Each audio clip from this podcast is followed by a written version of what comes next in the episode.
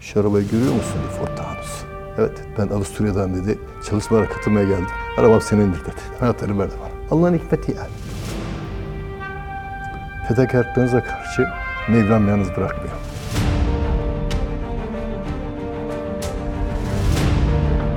İnsanlar samimiyeti hemen fark ediyorlar. Mevlam onun bereketini ihsan etti.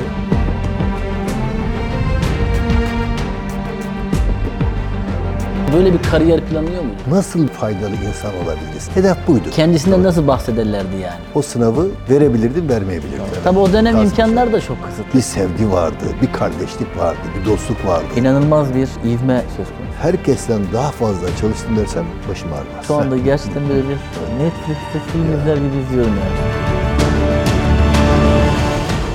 Şöyle geriye doğru ba- baktığınızda böyle bir kariyer planlıyor muydunuz? Yani şöyle, tabii ki bir planlama olmadan hiçbir şey olmaz. Bir planımız vardı ama bu planımız mutlaka sonuçlanacak diyerek bir kural yoktur. Ama biz sonuçlanacak diyerek kendimizi inandırıyorduk. Sonuçlanma üzerine gayretli bir şekilde çalışmamızı sürdürdük. Tabii ki bu planlama, kariyer planlamasında ana hedefimiz toplumda faydalı biri olabilmek. Yani madem ki bu dünyaya Cenab-ı Mevlam bir vesilelerle, ailemizin vesilesiyle gelmemize imkan tanıdı, lütfetti ve dünyaya geldik. Bir yandan kulluk görevlerimizi yaparken bir yandan da vatandaşlarımıza, yaşadığımız ortamdaki insanlarımıza nasıl bir faydalı insan olabiliriz? Hedef buydu. Yani bunun dışında... Faydalı onunla- insan olabilmek. Faydalı insan olmak. Yani bunun için meslek tercihi söz konusu ön planda değildi. Yahut da farklı yerlerde olmak ve olmamak ön planda değildi. Ön planda olan faydalı kişi olmak. Yani nerede olsan ol, faydalı kişi olmak. Hangi makamda olursan ol, faydalı kişi olmak. Siz Sayın Erdoğan'la kaç yılında tanıştınız? Ben İstanbul Militer Birliği'nde 69-70 yıllarında. 70 70 yıllarında oradaydım. Orada da nereden baksanız bir 53-54 yıllık Tabii. bir hukuk var herhalde değil mi? Bizim reisimiz e, İmam Hatip Okulu'nu dışarıdan verdim ben. Dolayısıyla ortaokul mezunuydum. Pamuk Ortaokul mezunuyum. Ortaokuldan sonra İmam Hatip Okulu'na gitmeyi arzu ettik. Ailemin de ciddi manada ısrarıyla ve arzusuyla, benim de arzumla İmam Hatip Okulu'na gitmeyi arzu ettik.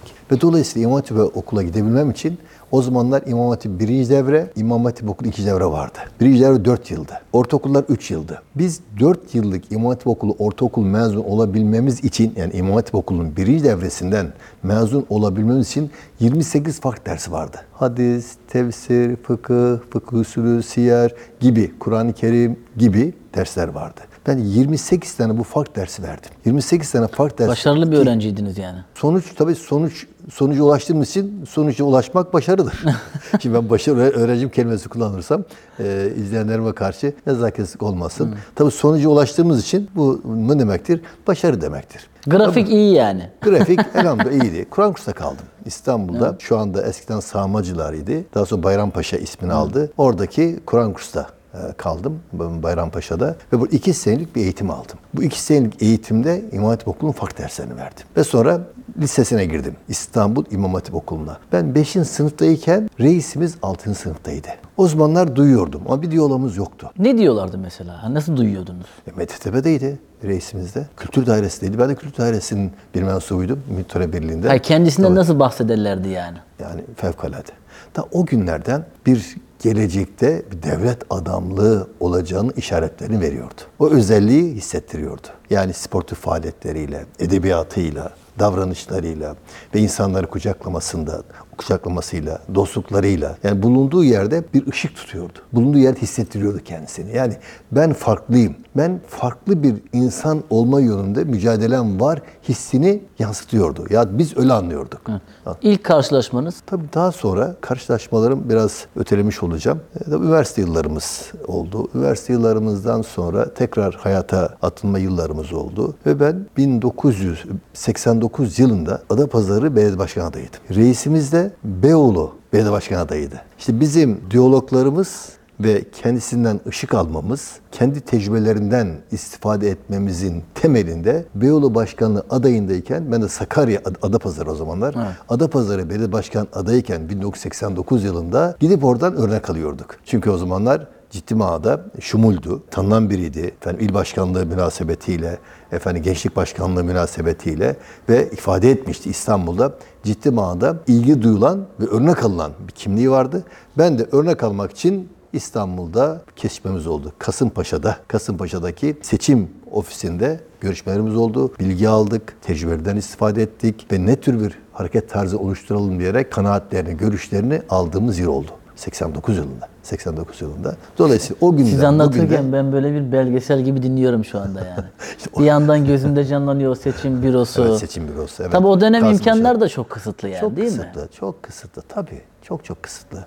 Ama o kısıtlı olmasına rağmen bir bereket vardı. Bir huzur vardı, bir aşk vardı, bir sevgi vardı, bir kardeşlik vardı, bir dostluk vardı. Ve toplumda gerçekten bir şeyler yapabilmenin e, mutluluğunu yaşama arzusu vardı. O günler çok gerçekten bereketli günlerdi. Netice itibariyle 89 yılında nasip olmadı. Yani biz e, belediye başkanı olma durumumuz olmadı. Olmadıktan sonra 89'da tekrar çalışmalarımıza devam ettik. Fakat 89'da 89'a kadar ben Rize'deydim. Rize Akvaçay fabrikalarının merkez fabrikası olan Çayeli'ndeki paketleme fabrikasındaydım. Ondan evvel Fındıklı Çay Fabrikası'ndaydım. Dolayısıyla, dolayısıyla tekrar Rize'ye gitmek üzere kolları sıvadık. Yol göründü. Yol göründü, e, kazanamadık, yol göründü. Bazen de Dete- böyle oluyor yani. dete- yo, de- nas- nasip yani ama görevimizi yaptık. O çalışma azmini, keşke Mevlam o çalışma azmini devam bize nasip etse. Nasıl bir çalışma azmi? Çok kısa misal vereyim. Tabii ben Akfa'nın merkez fabrika müdürüyüm. Şartlarında oldukça, ekonomik şartlarında oldukça iyi.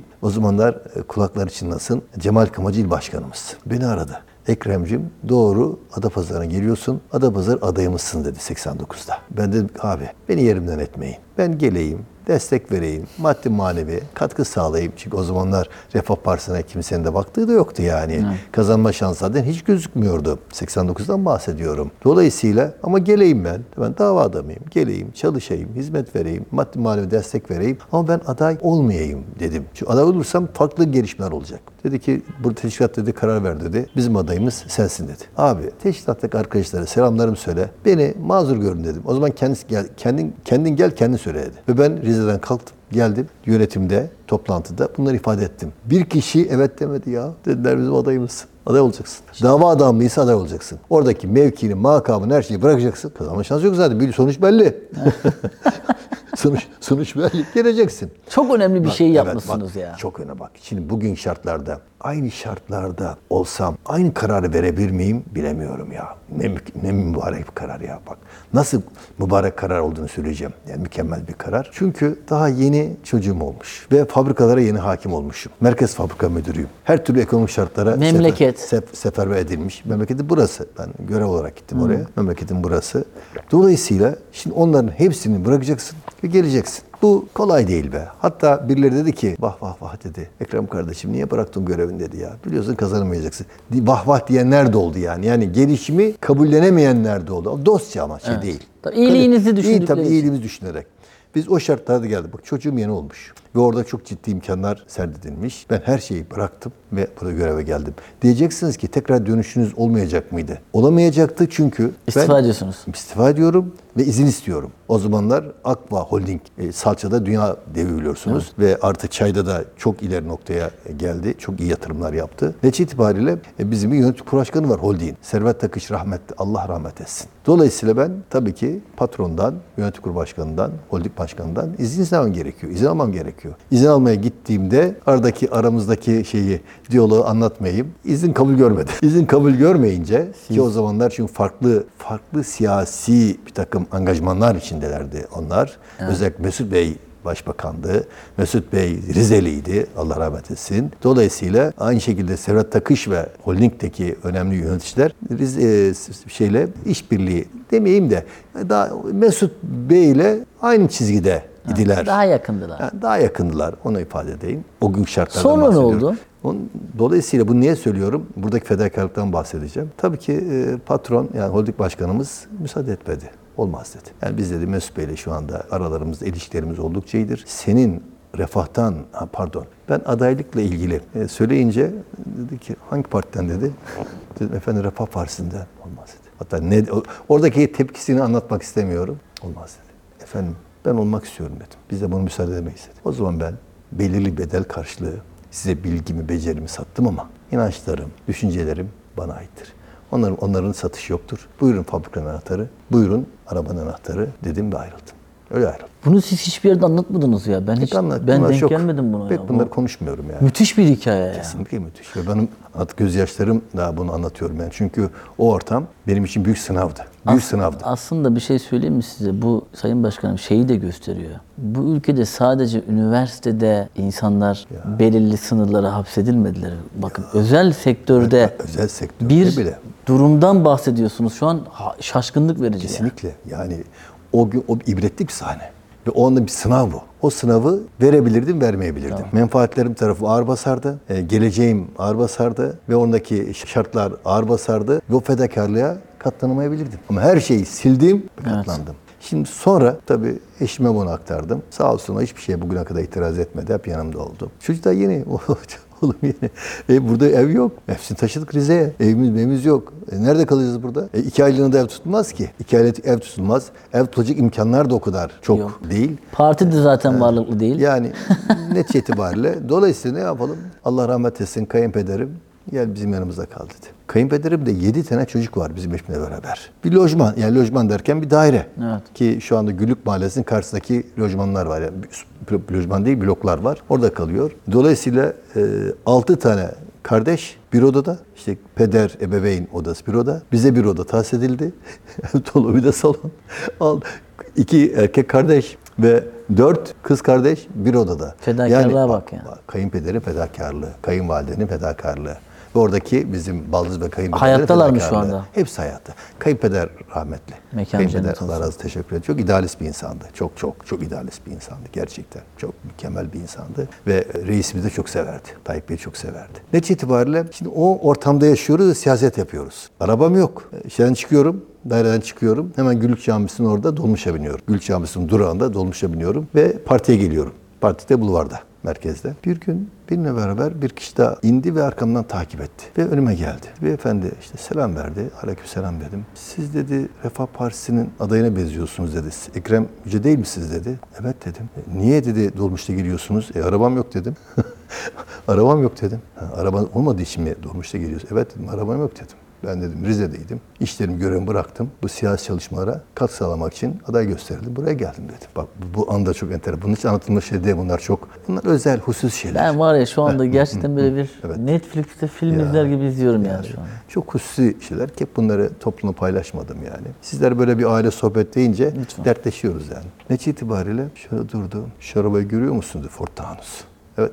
Ben Avusturya'dan dedi çalışmalara katılmaya geldim. Arabam senindir dedi. Seçim sonuna kadar arabam senindir. Arabaydı. Anahtarı verdi bana. Allah'ın hikmeti yani. Sizin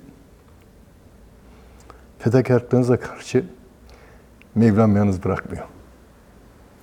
Ve çok önemli olan bir aracı kılıyor. Ve biz bağışlayın kusura bakmayın. Estağfurullah. Vallahi ben de çok şey oldum ya. hatırlıyorum. Yani hangi günlerden geldik yani nasıl geldik yani? Bu işler fedakarlıklarla oluyor. Yoksa ben dünya bir şeyler düşünsem bunları zaten yapamazdım ki. Ve onun bereketi de olmazdı. Ve netice itibariyle o dönem Allah öyle bir bereket ihsan etti ki mükemmel bir oy aldık. Yani yüzde 300'lük bir artış oldu. Yüzde 300'lük bir artış oldu. Tarih yazdık.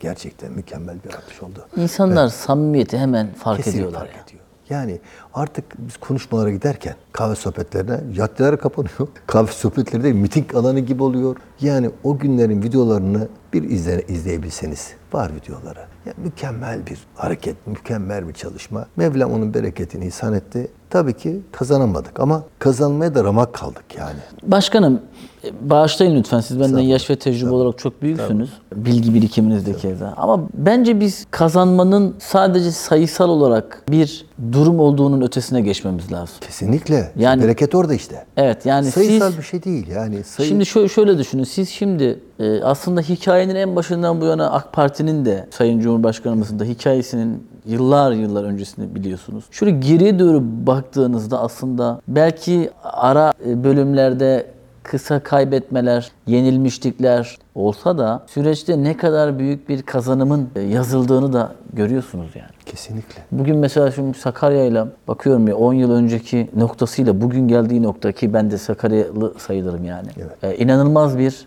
e, ivme söz konusu. yani. Ne oldu? Bir patlama oldu yani. Bu hissediliyor zaten. Altyapısıyla, üst yapısıyla, asfaltlarıyla, kanalizasyonuyla, su şebekeleriyle, sosyal donat alanlarıyla ve bir takım şehrin güzelleştirmeleriyle, parklarıyla, bahçeleriyle bir patlama oldu yani. Patlama oldu elhamdülillah. Şükürler olsun. Ki mesela buradaki sizin bence biraz önce de Sayın Genel Müdürü gördüm. Ona da teşekkür ettim. Mesela Saski. Bence Türkiye'de belediyecilik açısından yani şimdi biz hep İstanbul ve Ankara'ya odaklandığımız için Anadolu'da birçok önemli iş yapan yerleri aslında gözden kaçırabiliyoruz. Mesela Saski deprem bölgesinde de çok önemli işlere imza attı. Ben Kesinlikle. hatırlıyorum, biliyorum yani. Ya biz 500 elemanımızla deprem bölgesindeydik. 300 iş makinemizi götürdük. Bir kısmını piyasadan aldık. Kimini kiraladık, kimini hibe olarak aldık. Yani iş adamlarımız verdi. Diğer belediyelerden destek aldık. 300 iş makinesi ve 500 personelimiz oradaydık yani. Bütün illere yayıldık oradaki 9-10 ile yayıldık. Ben de Diyarbakır sorumlusuydum. Dolayısıyla genel merkezimiz beni Diyarbakır olarak görevlendirdi ve Diyarbakır'da, Diyarbakır Bakan olarak da Bekir Bozdağ Bakanımız vardı, Adalet Bakanımız. Onunla birlikte Diyarbakır'da görev yaptık. Bekir Bey'le de çok hikayeniz olmuştur orada yani. Şöyle tabii Diyarbakır çok güzel bir yer. Çok da güzel oldu Diyarbakır. Oranın hassasiyetleri biliyorsunuz. Hassasiyetlere karşı biz çok temkinli davrandık. Dikkatli olduk. Dikkatli olduk. Bazı zaman zaman bazı yerlerde farklı bir şekilde tavırlarla baş başa da kaldık. Ama onlar kadı kızında da olur derler ya o kadar kusur olabilir. Ama biz Diyarbakır'la çok kaynaştık. Diyarbakırlar çok mükemmel insanlar. Çok gerçekten asil insanlar. Çok gerçekten köklerine sadık, inançlarına sadık insanlar. Kültürlerine sadık insanlar. Diyarbakır ben çok seviyorum. Ve Diyarbakır'daki bu çalışmalarımla da beni en mutlu eden bir görev yeri oldu ve gerçekten güzel çalışmalar yaptık. Zaten Diyarbakır'la şöyle bağlantım var. Çaykur Genel Müdürlüğüm var 10 yıl biliyorsunuz. 10 yıl Çaykur Genel Müdürlüğümde bizim Diyarbakır'da bölge müdürümüz vardı. Bölge müdürlüğümüz ve bölge müdürlüğümüz münasebetiyle zaman zaman Diyarbakır'a giderdim. Oradaki bölge müdürümüz giderdim ve orada da genelde Türk çayın dışında, Çaykur'un dışında, Türk çayın dışında yabancı çay daha çok kabul görüyordu. Evet. Ve onu ötele, ötelemek adına ve yerli çayımızı ve Çaykur çayımızı ve yerli çayımızı orada daha çok vatandaşla tanıştırmak adına çok çalışmalarımız oldu. Tadımlar yapıldı, Sayın Başkan yalnız bu, bu- şurada bir eklemek istiyorum. Şimdi hep şey derler ya, yani yabancının bağlamasıyla bizim Türkler okunmaz diye. Hani yabancı çay siz tabi usul önüsünüz kaçak çay diyebiliriz. Yani mi? ben onu o kelimeyi kullanmak bu istemedim. ama bu kaçak çayın da tabii ki kurallar şey ama tadı da başka bir oluyor yani. Ya bu şöyle bu tadı, Şimdi bak, yani bir tadı dönem- şimdi konu konu atladı. Ama çok şimdi içimdeyken de bunu da Yani şu- söyleyeyim yani. Fakat şöyle ama bu, bunun yıllarca hem üniversitesinde hocalığını yapan hem de Çaykur Genel Müdürlüğünü yapan 10 yıl ondan evvel de özel sektörde 5 yıl görev yapan bir kardeşiniz. Ben çay sektöründe ben toplamda 15-20 yıl civarında bir görevim var. 20 yıllık görevim var çay sektöründe. Özel sektör ve kamu sektörü. Ve onun 2 yılda e, şu mühendis ve kısım müdürü olarak var. 12 yıl Çaykur'da, diğer yıllarda özel sektörde görevlerim var. O münasebetle şimdi onu şöyle tarif etsem daha güzel olacak. Elma. Da güzel dediniz ya. Elma. Sarı elma var. Kırmızı elma var. Amasya elması var. Starkin var. Osman Paşa var. Elma çeşitleri var. Kimi Osman Paşa'yı seviyor. Osman Paşa büyük, sulu ve mayhoş. Evet, Starkin elması kıpkırmızı fakat biraz kof. Yani e, çok böyle sulu değil. Evet. Koftur. Efendim Amasya yanında- elması daha küçük. Amasya elması daha suludur. Suluk bir elmadır. Golden elması var. Sapsarıdır. Suludur ve onun tadı daha farklıdır. Siz hangi elmayı seversiniz çok? Şimdi Golden ayrı, Osman Paşa ayrı. Bunlar e, ayrı, ayrım özellikleri çok farklı oluyor. Çünkü e, biri çok büyük ve ekşi, ek, e, biraz mayhoş. Golden elması daha böyle şey, çok tatlı değil. Ama sulu ve sapsarı bir elma. Limon gibi. Limonun efendime söyleyeyim elmaya dönüşmüş şekli olarak değerlendirelim. Bir de Starkin kıpkırmızı kıpkırmızı bir elma fakat çok sulu değil. Şimdi bunlar hepsi birbirinden farklı ama hepsi elma bunlar? Elma. Şimdi burada şu güzel dersek bak bana diyorsunuz ki hangisi güzel? Hepsi güzel. Bazı kişiler, vatandaşlarımız, bazı insanlar Osman Paşa'yı çok seviyor. Kompostosunu yapılıyor, efendim yeniyor, mahyoş, bayıltmıyor ve gerçek özellikle şeker hastaları çok bunu tercih ediyor. Ne güzel Şimdi ya. ayrı bir elma. Bu ayrı bir Hayata dair bir sohbet yapıyoruz yani. Bunu- Siz de uzun zamandır böyle bir sohbet etmemişsinizdir ama hep projeler, işler, proje. koşturmalar, Yani şimdi ben ayrı bir dünyadayım şu anda.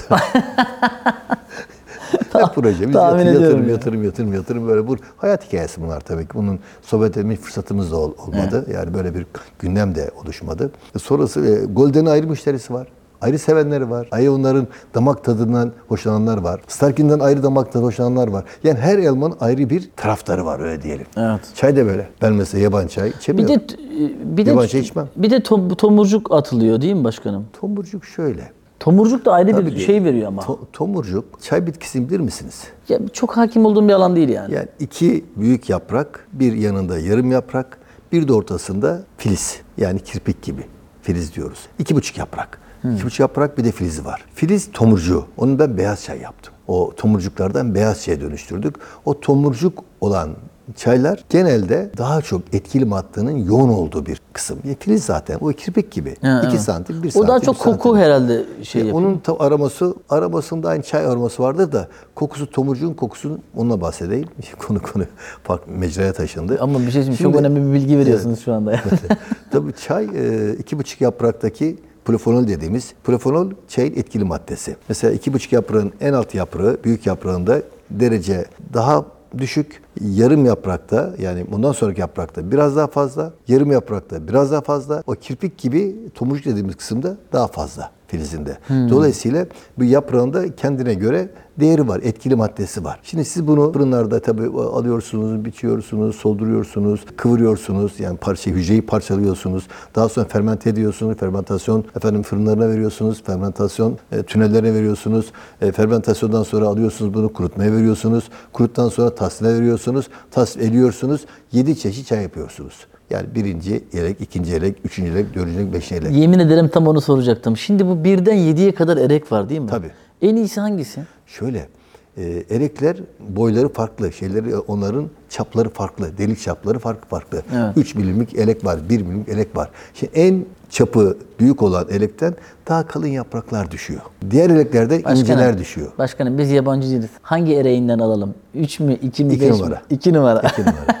Arkadaşlar. 2 numara eleğin çayını için. Onda genel ağırlıklı altın başta var. Ve trevol çayda var. Onu koyuyoruz. Çünkü şeylerimizde, e, formüllerimizde hepsi bunun formüllere göre paketler yapılıyor. Ele altın başın formülünde iki, ikinci eleğin çayı, iki, iki numara çayımız daha fazladır. Şeydeki, benim o da 42 numara çay biliyorsunuz. Giresun'da çıkardığımız fabrikanın çayıdır. O da e, o çayım 42 numara çayımız. O çayımızda da daha ağırlıklı vardır. Dolayısıyla ben de aynı şekilde kendi evimde de 42 numarayı, Giresun 42 numara, efendime söyleyeyim, efendim, şey altınbaşı diyeyim bak. ve tomurcuyu harman ediyorum. Başkanım bak biz, size bir şey söyleyeyim. Tarihi bir bilgi verdiniz yani. Bu çay tiryakileri var ya şu anda bu bölümü alacaklar dolaştıracaklar size söyleyeyim. İnşallah. Sağ. Peki sonra ne oldu? Siz nasıl oldu da bu belediyecilik yönü tekrar Nüksetti. Nüksetti. Nüksetti evet. Dolayısıyla tekrar tabii Rize'ye döndüm ben. Nasıl Rize'ye döndüm? Yani şu var derler ya Mevlam bir kapıyı kapatırsa binlerce kapı açar. Ben bunda bizzat yaşamış insanlarım. Yani bu tür olguları, bu tür deyimleri yaşamış insanım. Ben tekrar yeni kendime bir hayat, yeni bir iş kurmayla, aramayla ilgili tam arayışındayken Rize'den telefon. Sahibi yumuşak. Rahmetli oldu şu anda. Renk mobilyanın sahibi. Ve e, Mete Tebe'yi Rize'de kuran arkadaş. Risaç diye orada bir şirket var. 600 ortağı olan ve Kalkavanların, efendime söyleyeyim Eyüp Kalkava'dan, yazıcıların, Ali yazıcıların yani böyle şehrin çok önemli kişilerinin ortak olup kurmuş oldukları bir şirket var. O şirketin bir çivi fabrikası var. Tavlı tel ve çivi fabrikası. Bir de çay fabrikası kurulmuş. Dolayısıyla Sayın abi aradı. Dedi Ekrem'cim ne yapıyorsun? Zaten tanışıyorduk Rize'de kaldığım günlerde. Dedim abi işte şu anda yeni bir kendimize e, rota çizeceğiz. Seçimi de kaybettik. Hiç dedi, e, seçimi kaybettik. Hiç dedi hiçbir yerle görüşme. Yerin hazır bekliyoruz. Ve ben gittim Rize'ye tekrar. Risaş'ın bir dönem genel müdür yardımcı yaptım. Fabrika müdürlüğü yaptım. Genel müdür yardımcı yaptım. Sonra da genel müdür oldum. Genel müdür 4 4-5 yıl orada çalışmalarım oldu. Daha sonra orada artık iyice çay sektöründe, özel sektörde çok ciddi gayretlerden, çalışmalardan sonra tekrar bir seçim dönemi geldi. 94 seçimleri. Artık teklif gelmesin. 94 seçimleri. Dolayısıyla 94 seçimlerinde o zamanlar yönetim kurulu başkanımız Mustafa Yazıcı Bey'di. Ali Yazıcı'nın kardeşi ve de Eyüp Kalkavan rahmetli oldu. Çok Rize'mizde önemli bir insandı. Çok değerli bir insandı. Çok muttaki bir insandı. Oğlu da Kur'an kurslar müdürüydü. Yani ve gerçekten iyi bir iş adama çok saygı duyduğumuz bir insandı. İyi bir aile. İyi bir aileydi. İyi bir, iyi bir aileydi. Dolayısıyla ben orada 4 küsür yıl, 4 ile 5 yıl arası, 4 de olabilir, yıl arası orada çalıştım. Tekrar 94 seçimlerinde siyaset nüksedince yine biz burada adaylıklar gündeme geldi. Hem işte Adapazarı ve bu sefer Geyve gibi iki yerde, iki yerden de bu sefer adaylıklarımız gündemde. Fakat o zamanlar Adapazarı'nı alma şansımız çok yüksek gözüküyordu. Yani çünkü zemin oturmuştu. Evet. Zemin hazırlanmıştı. şartlar Çiçekler filiz vermeye başlamıştı artık. Başlamıştı. Netice itibariyle bu arada farklı adaylar da vardı. Ben o tür siyasi angajmanlara girmedim. İlle ben olacağım 89'da bendim tekrar benim. Böyle şeye girmedim. Dedim ki takdir neyse olur Adapazarı'nı kiminle almamız daha uygunsa tabii ki olsun. Felsefem bu felsefe çerçevesinde olaylara baktım. Yani sen olayım ben olayım konu girmedim yine. Bu da çok önemli. Yani ille ben daha evvel Adapazarı'daydım kimse yok ya ben vardım tekrar varım demedim. Ve çok ciddi de taraftarlarım vardı. Çok ciddi bir şekilde Adapazarı olmamı isteyen gerçekten önemli insanlarımız, dava kardeşlerimiz vardı, vatandaşlarımız vardı. Sonra Geyve ilçem, ben Geyve'liyim aynı zamanda. Geyve'deki ilçem teşkilatım kulakları çınlasın. O zaman Vedat Eren ilçe başkanı. Heyet halinde dediler başkanım gel Geyve'den aday ol da bizim adayımız ol ve Geyve'yi alalım. Geyve'yi alma daha da rahat gözüküyor. Geyve'yi alalım ve Geyve'de mücadele edelim. Benim de gönlüm ısındı. Baktım ki Rize şeyde Sakarya Adapazarı'nda çok şeyler var. Tartışmalar büyük. Tartışmalar var, talep edenler var, arz edenler falan. Ben çok fazla mülazalara girmedim. Geyve adayını kabul ettim. Ve Geyve'den aday oldum. Geyve'de de çok ciddi çalışmalarımız oldu. Aldınız mı? Alamadık işte. Nasıl alamadık onu anlatayım buradan izleyenler varsa. Mahallenin ismini vermeyeceğim ama blok oy veren bir yer. Gece saat 1'de pazar akşamı yani seçimin akşamı aradılar beni. Dediler ki başkanım şu anda şu sandık pazarlıkta. Sen kaç para veriyorsun? Yaşadığım olayı söylüyorum size. Ailem de şahittir. Gece saat 1. İdealistim, idealizm yani devam ediyor. İdealistliğimden hiç taviz vermiyorum. Ama idealizm var ya benim satın alacak, para satın alacak o ihtiyacım yok dedim. Dolayısıyla ağırlıklı o sandık blok oydu. Ve o sandık benim kazanmamama sebep oldu. Nasip değilmiş. Sonra saat Tekrar Rize'ye gittiniz mi? Gitmedim. Sefer şöyle oldu. Cevat abi, hayatta Allah rahmet etsin, e, çok sevdiğimiz bir abimizdi. Cevat abi beni aradı. Ekremci ne yapıyorsun? İyiyim abi, hadi geçmiş olsun dedim ama üzülme dedi. Adapazarı'nı aldık dedi, Adapazarı'nı aldık. Aldık dedi, üzülme dedi. Şimdi ben müsaitsen hemen gel buraya dedi. Biz şu anda parti üzerinde müfettiş, eskiden parti müfettişler vardı. Müfettiş vardı, Aziz Bey kazanmıştı, Aziz Bey belediye başkanı olmuştu, Cevat abi falan bir heyet halinde. Biz şurada evdeyiz, hemen seni bekliyoruz dedi. Eve geldik, tebrik ettik, hayırlı olsun dedik. Bana Cevat abi dedi ki, bir daha Rize'ye falan gitmek yok, başka iş aramana gerek yok. Adapazarı Belediye Başkanımız olarak kalacaksın dedi. Ve beni o akşam, o gece Adapazarı Belediye Başkanımız oldum. Dolayısıyla Seçimin hemen o sıcağında gece, o, aslında. o akşam, gece saat 1'de işte. Sandıklar sayıldı, oylar Sayıldı, etti. Adapazarı'nı İlan aldınız. edildi, ben de belediye başkanımız oldum. Çok iyi ya. Ve sonra kolları sıvadık. Rahmetli Aziz Duran Başkanımızla beraber çalışmalarımızı hızlı bir şekilde sürdürmeye başladık. Akabinde Merkezi Başkanlığı boşalmıştı. Merkezi Başkanlığı konusunda 3 tane aday adayı var ve genel merkez adaylar bire düşmesini istiyor. 3 arkadaşımız da bire düşmekte biraz şey yapıyorlar, istemiyorlar. Bunun üzerine Cevat abi dedi ki eğer sen aday olursan diğer arkadaşlar da senin yanında çalışabilecek. Yine iş bize görev düştü. Ben bu sefer Adapazarı Merkez İlçe Başkanlığı konusunda evet dedim ve kongre yapıldı. Kongrede de Refah Partisi Merkez İlçe Başkanı olarak seçildim. Dolayısıyla merkeze başkanıyım. Aynı zamanda belediye başkanımsıyım. Bir yandan da İstanbul'da Sayın Erdoğan devam ediyor Tabii çalışmalara. o zaten ben o günden sonra devamlı reisimizle temas halindeyiz. Gidiyorum, geliyorum. O malum İstanbul'daki evinde ofisi vardı. O ofis ofisinde ve ofisinde görüşme imkanlarımız Bir de zaten olurdu. burası da yol üzeri Ankara'ya Yol giderken. üzeri, Evet. Dolayısıyla Kuzey Marmara'da yok. Mecburen içeriden geçecek o dönemler değil mi? evet. Yani reisimizle bir şey yollarımız daha bahsettiğim günden itibaren devam ediyor yani daha çeşitli vesilelerle, çeşitli vesilelerle. Kısa kısa geçeyim. Akabinde biz burada kaldık. Daha sonra Refah Partisi Merkezi Başkanı olduk ve Merkezi Başkanıyken seçimler oldu. Seçimler yani milletvekili seçimleri akabinde. Evet. Milletvekili seçimlerinde aynı zamanda eşim de e, MKK üyesi ve kadın kollarında Çanakkale sorumlusu, müfettişi. Evvela Bilecik müfettişiydi, sorumlusuydu. Her ay onunla beraber Bilecik'e gidiyorduk. Geliyorduk, oradaki çalışmalara katılıyorduk. Ve ondan sonra Çanakkale müfettişliği verildi. Ve Çanakkale müfettişliği konusunda çalışmaları sürdürüyoruz. O da MKK üyesi bahsettiğim gibi. Netice itibariyle seçimler geldi. Adaylar ortaya çıktı. Adaylar ortada efendim talepler alındı ve sonra bizim o seçimlerde bir Cevat Hayan birinci sırada, Nezir Aydın il başkanımız, o zaman Nezir Aydın Refah Partisi'nin ikinci sıra, üçüncü sırada merkez İlçe başkanı olarak da Ekrem olarak listeler belirlendi ve genel merkeze gönderildi.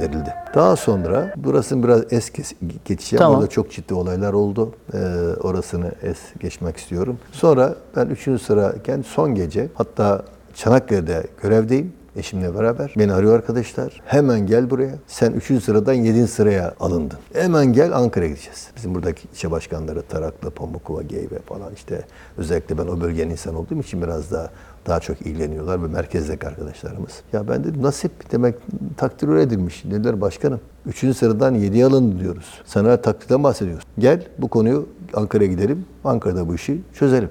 Ne istedim ben şu an dedim burada görevim var. Çalışmanın devam ediyor. Gelemeyeceğim dedim ve gelmedim gerçekten. Çanakkale'de bu çalışmalarımız, planladığımız çalışmamız devam etti. Ve arkadaşlar Vedat Eren şu andaki o zamanki ilçe başkanımız GV sağ olsun kulakları çınlasın ve ekip arkadaşlarımız onun nezdinde.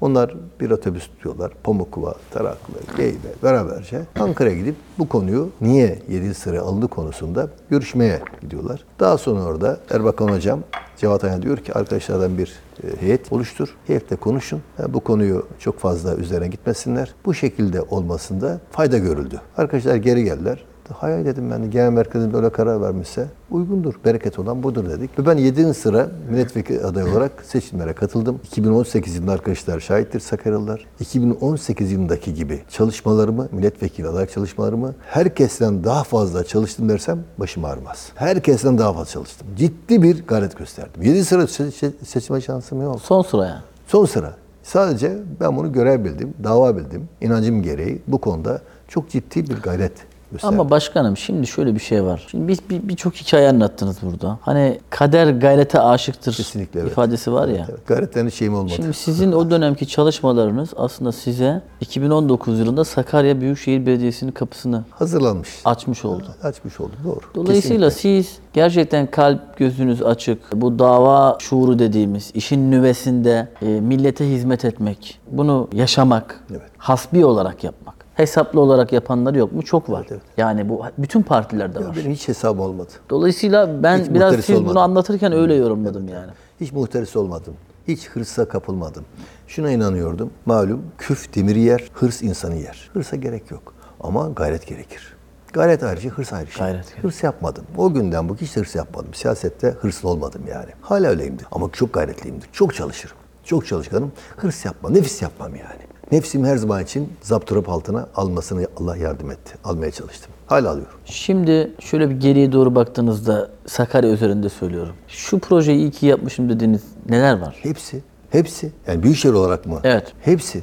202 proje. Biri birinden daha küçük değil. Biri birinden daha önemsiz değil. Ben onu nasıl sıralayayım size ben 202 projeyi? Hepsi hazır. Aslında bilgisayarımı açayım. Geç kafamda da var da teker teker açıklayayım. Yani burada 202 projelerim. Bir, evvela yaptığınız projelerden önemlerinden. Sigorta kavşağı. Bunu ben nasıl sigorta kavşağını önemsemem? Şehire girerken trafiğin en büyük katkısı olan ve üç ilçeye ayrımı yapan sigorta kavşağı. Orman Parkı'nın hemen yanındaki. Artı- Vatandaşlar mesela memnun mu buradan? yani efendim bunu bana sormayın ama bu ciddi memnuniyet var yani. Memnuniyetten de öte. Memnuniyetten öte. Artı Darıçayı Barajı. Barajı. 40 milyon metreküplük bir baraj yapıyoruz. İçme suyu barajı yapıyoruz. Üzerinde HES yapıyoruz.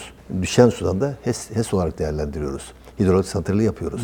Ve burada ve biz yap işlet devlet modeli yapıyoruz bunu. Çünkü bizim o kadar 3 milyar bütçemiz yok. Nasıl yapalım? Burada Sanayi Odası Başkanımız Akgün Bey, onun başkanlığında 8 tane organ sanayi bölge başkanıyla işbirliği yaparak finansmanı onlar karşılayacaklar. Yapımı biz yapıyoruz. İşbirliği halinde. Büyükşehir olarak koordinasyonu biz sağlıyoruz ve finansmanını 8 sanayi bölgesi başkanı ve sanayiciler veriyor. Böyle bir proje hayata geçiyor. Bunu nasıl ben öteleyebilirim? Yani iyi ki yapmadım diyebilirim. GV Meydan Projesi. GV'ye gittiniz mi yakında? GV dersinden bir meydanı yoktu. Şu anda GV'nin mükemmel bir meydanı var. Bunu nasıl öteleyebiliriz? Akabinde şu odaki uzun çarşı, uzun çarşıda efendim un kapını meydan projesi. Bunu nasıl öteleyebiliriz? Orman Park baştan aşağı yeniledik. Nasıl bunu e, hafife alabiliriz? Ve alt, altyapı 2 milyon ton asfaltı yollarla buluşturduk. 1500 kilometre yol yaptık. Yani Sakarya'da bir söz verdik ilk zamanlarda. Dedik ki Sakarya'da asfaltlanmamış büyükşehir oktesinde olan yani grup yolları. Hiçbir yol bırakmayacağız sözünü verdik. Bitirdik elhamdülillah. 2 milyon ton asfaltı yollarla buluşturduk. Ve 1,5 bin- 1500 kilometre mesafe yapıyor. 1500 kilometre yol yaptık. Yani Sakarya'da şu anda Türkiye'de kaç tane il vardır bilemiyorum. Sakarya'da asfaltlanmamış, büyükşehir noktası olup asfaltlanmamış hiçbir yol bırakmadık. Çok az bir şey kaldı. Yani yüzde birlik kaldı. Onları toparlamaya çalışıyoruz. Toparlamaya çalışıyoruz. Netice Siz o zaman bu şeyi de kendiniz kurdunuz o zaman. Bu asfalt ekosistemini de kendiniz kurdunuz yani. Tabii şeylerimiz var, plantlerimiz var. Biz. Aynı, aynı zamanda müteahhitler kanalı da yaptık. Yani kendi plantimiz yetmiyor. Tabii altı koldan, beş altı koldan çalıştık. Bir ekip Kocaeli'de, bir ekip Karasu'da, bir ekip Geyve'de, bir ekip Pamukova'da, bir ekip efendim Kaynarca'da. Yani bütün ekipler çalıştı. Burada bir kısmını kendi ekiplerimiz, bir kısmı ihale yöntemiyle e, Daha hızlı girdik. olması açısından. Daha hızlı olması açısından yetiş- yetiştiremezdik çünkü. Ama ben bu asfalt konusunda dolaşıyorum bu bölgeye. Her yerde yeni asfalt var yani. 2-3 yıldır böyle. Dört buçuk yılda asfaltlanmamışlar bırakmayacağız dedi ve bırakmadı. Bir tarih yazdık. Şimdi bugün biz tabii ki nerede mukayese neye göre yapılır? Yapılanlarla yapılmayanlar. Yani mevcut duruma göre mukayese yapılır. Mevcut duruma göre mukayesemiz şu. Bugüne kadar Sakarya'mızda yapılan hiçbir belediye başkanımız saygı duyuyorum. Hepsinin hizmetlerini tebrik ediyorum. Onunla benim işim yok onlarla. Tamam. Ama ben ortada bir Zaten gerçek var. yakışan da odur Yok, başkanım e, ya. Kesinlikle. Ama niye bizim- yapılmadı, niye oldu, Yok, ne bitti falan bir, filan. bir gerçek vardır. Şeye kadar benim dönemime kadar bütün gelen belediye başkanlarımız yaptığı asfalt bir teraziye koyuyoruz. Bizim dönemimizde yaptığımız asfalt bir teraziye koyuyoruz ve bizim dönemimiz ağır basıyor. 1500 kilometreden bahsediyorum. Toplam Büyükşehir Buktesi'nde 2500 kilometre civarı. Evet buyur Ali sistem. O da gündemde de biraz ötele inmedim. 2500 kilometre toplam ağımız var Büyükşehir'in. Bunun 1500 kilometresini şükürler olsun yapmak bir kısmını yama, yamalama, tamir tadilat kısmı oldu. Ama 1000 kilometre üzerindekinin tamamen asfalt. Yeni asfalt dökümü gerçekleşti. Altyapıda. Bu nedir?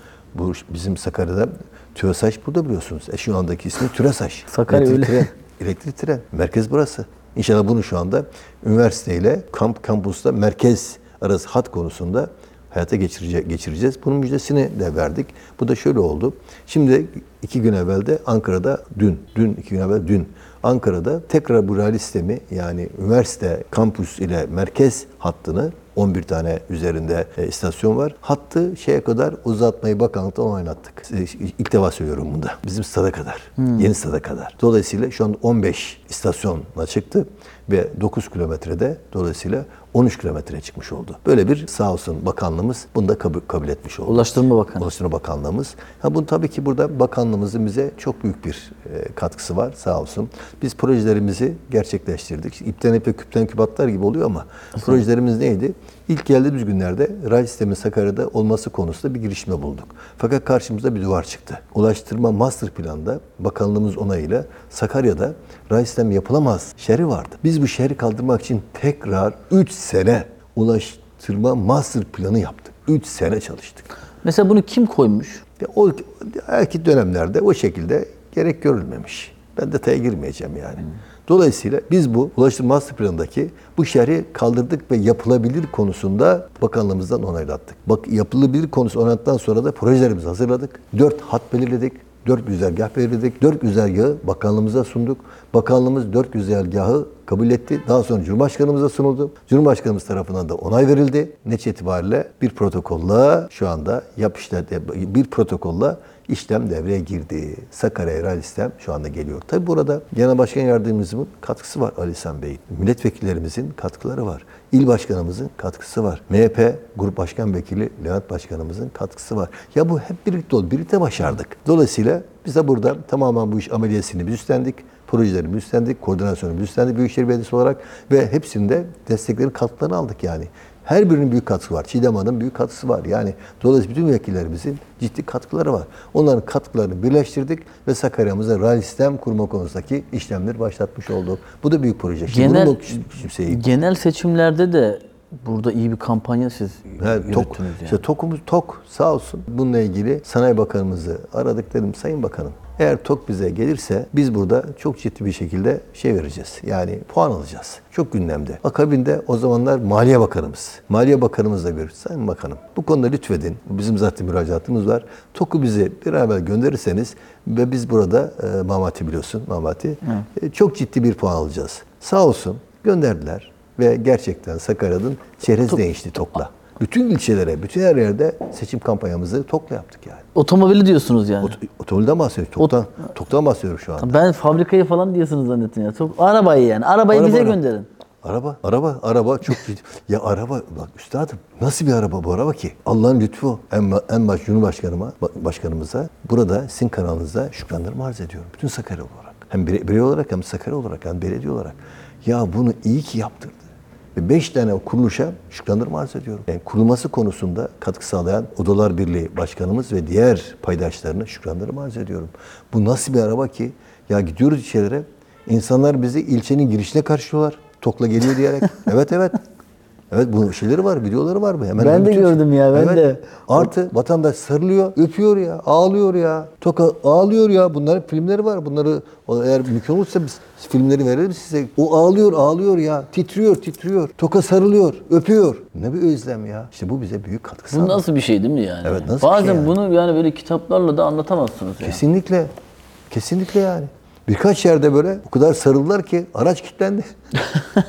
Tekrar servisten sorduk. Aracı tekrar çalıştırma çalıştırma konusunda servisten hizmet aldık ya. Başkanım. Birkaç yerde araba kilitlendi. Bir şey söyleyeyim. Ben size çok teşekkür ediyorum. Estağfurullah. Lütfen bu yeni dönemde biz sizinle bunun ikinci serisini çekelim. Hayal inşallah ben hazırım. Yani inanılmaz Hazırım. bir program oldu. Ama şimdi çok da fazla yaparsak çok uzun olacak. Uzun dinlenmez. Bence tam tadında şu anda. Çünkü çok önemli yerler kaldı. Ona bir dahakine artık. Ne kaldı? Refah Partisi ilçe başkanı iken milletvekili adaylığı, milletvekili adaylığından sonra o dönem Rize'den Şevki Hoca milletvekili oldu. Trabzon'dan Şerap Malçuk milletvekili oldu. Sa- Sakarya'dan Nezir Aydın ve e, Cevat Hepsi oldu. ikinci bölümde. Daha sonra e, e, ikinci bölüme. Daha sonra Bunları- oldu? bunları ikinci bölümde. Çaykur'a genel müdür aranıyordu. Tekrar bana getirdi. Ve o, o, dönem Çaykur'a atandım ya. Yani şimdi bunlar o zaman anlatmamız lazım. Anlatalım. Atandığım hükümet düştü. Bunu- Refah Yol hükümeti. Atandığım gün sabah saat 11'de imza attım. Saat 1'de hükümet düştü. Gerçekten. Hükümet düşünce tam bir ay benim girişim yapılmadı. Hukukçular aman ha bu bakan imzası geçerli mi geçersiz mi? Yani şimdi bakan imzasıyla geldik ya. Türkiye nereden nereye değil mi evet, ya? bunlar şu- hep tarihi yani o gece gittiğimde valizimi koydum resepsiyona misafirhanedeki Çarkı misafirhanesi gerçekten mükemmel misafirhanedir. Ee, misafirhaneye çantamı koydum. Akşam gece saat 12-1'e kadar arkadaşlarla Rize, Rize'de göre yaptığım için arkadaşlarla birlikte olduk. Gece istirahata geldiğimde valizim tekrar resepsiyonda. Oradaki resepsiyon arkadaş dedi ki efendim biz seni burada istirahat ettirmeyeceğiz. Almayacağız. Niye? Almayız. Emir yuk- yukarıdan alamayız. Ya ben buranın elemanıyım. İmzamı atmışım. Ben bu personeliyim. Burası bizim efendime söyleyeyim misafirhanemiz değil misafirhanemiz. Nasıl alamaz? Efendim biz e, emir kuluyuz. e, Emir Büyüker'den. Ben atandığım yere misafirhanesi bile alınmadım. Gece saat 1'de. Abi bunlar hep enteresan şeyler var daha. Buna benzer enteresan konular var. Hikayeye bak ya. Evet. Bunları da inşallah gelecekte anlatalım. Başka- Çaykur. Çaykur'dan sonra tekrar Erenler Belediye Başkanlığı. Erbakan Hocam'ın talimatıyla. Erenler Belediye Başkanlığı'ndan sonra Seçimden deprem. sonra bunu lütfen yapalım. İnşallah. Siz bu ilk bölümü de izler beğenirseniz İnşallah. bu İnşallah. ikinci bölümü yapalım mutlaka. Sonra tekrar Çaykur'a gideceğim. Erenler Belediye Başkanıyken son senede AK Parti'nin kuruluşu, AK Parti'nin burada Sakarya'daki kurucularındanım. Tamam, Belediye spoiler vermeyin. Vermeyin. mi? Vermeyin. İkinci bölüm. tamam. O Ben çok size dolu söz dolu bir veriyorum. ikinci bölüm bak. Dolu dolu bir ikinci bölüm. Ben var. size söz veriyorum. Bu ikinci bölümü çok bomba yapacağız. Kesinlikle. Ama ilk bölümden az o kadar bomba oldu. İzleyenler keyif almıştır. Dolu dolu ikinci bölüm yapacağız. Neler geldi başımıza? Vallahi ya biz niye bunu daha Sabır, önceden yapmadık metanet, ya? azim. Arkadaşlar Sakarya Büyükşehir Belediye Başkanı Sayın Ekrem Yüce ile yani bir bölümünde çok duygulandık. Ee, bir bölümünde umudun hep var olacağını hissettik. Son bölüm biraz trajikomik olaylar ve anlık sürprizler e, bizi karşıladı. E, ben bu programın ikinci bölümünü de e, kendisi de yapmak istiyorum. E, Allah ömür verirse tabii İnşallah, ki yani hepimize. E, önümüzdeki hafta yeni bir konukla karşınızda olacağız. Kendinize lütfen çok iyi bakın. E, uzun zamandan sonra bu kadar keyif aldığım bir e, program oldu. Umarım siz de izlerken keyif almışsınızdır. Lütfen yorumlarınızı e, alta yazmayı unutmayın.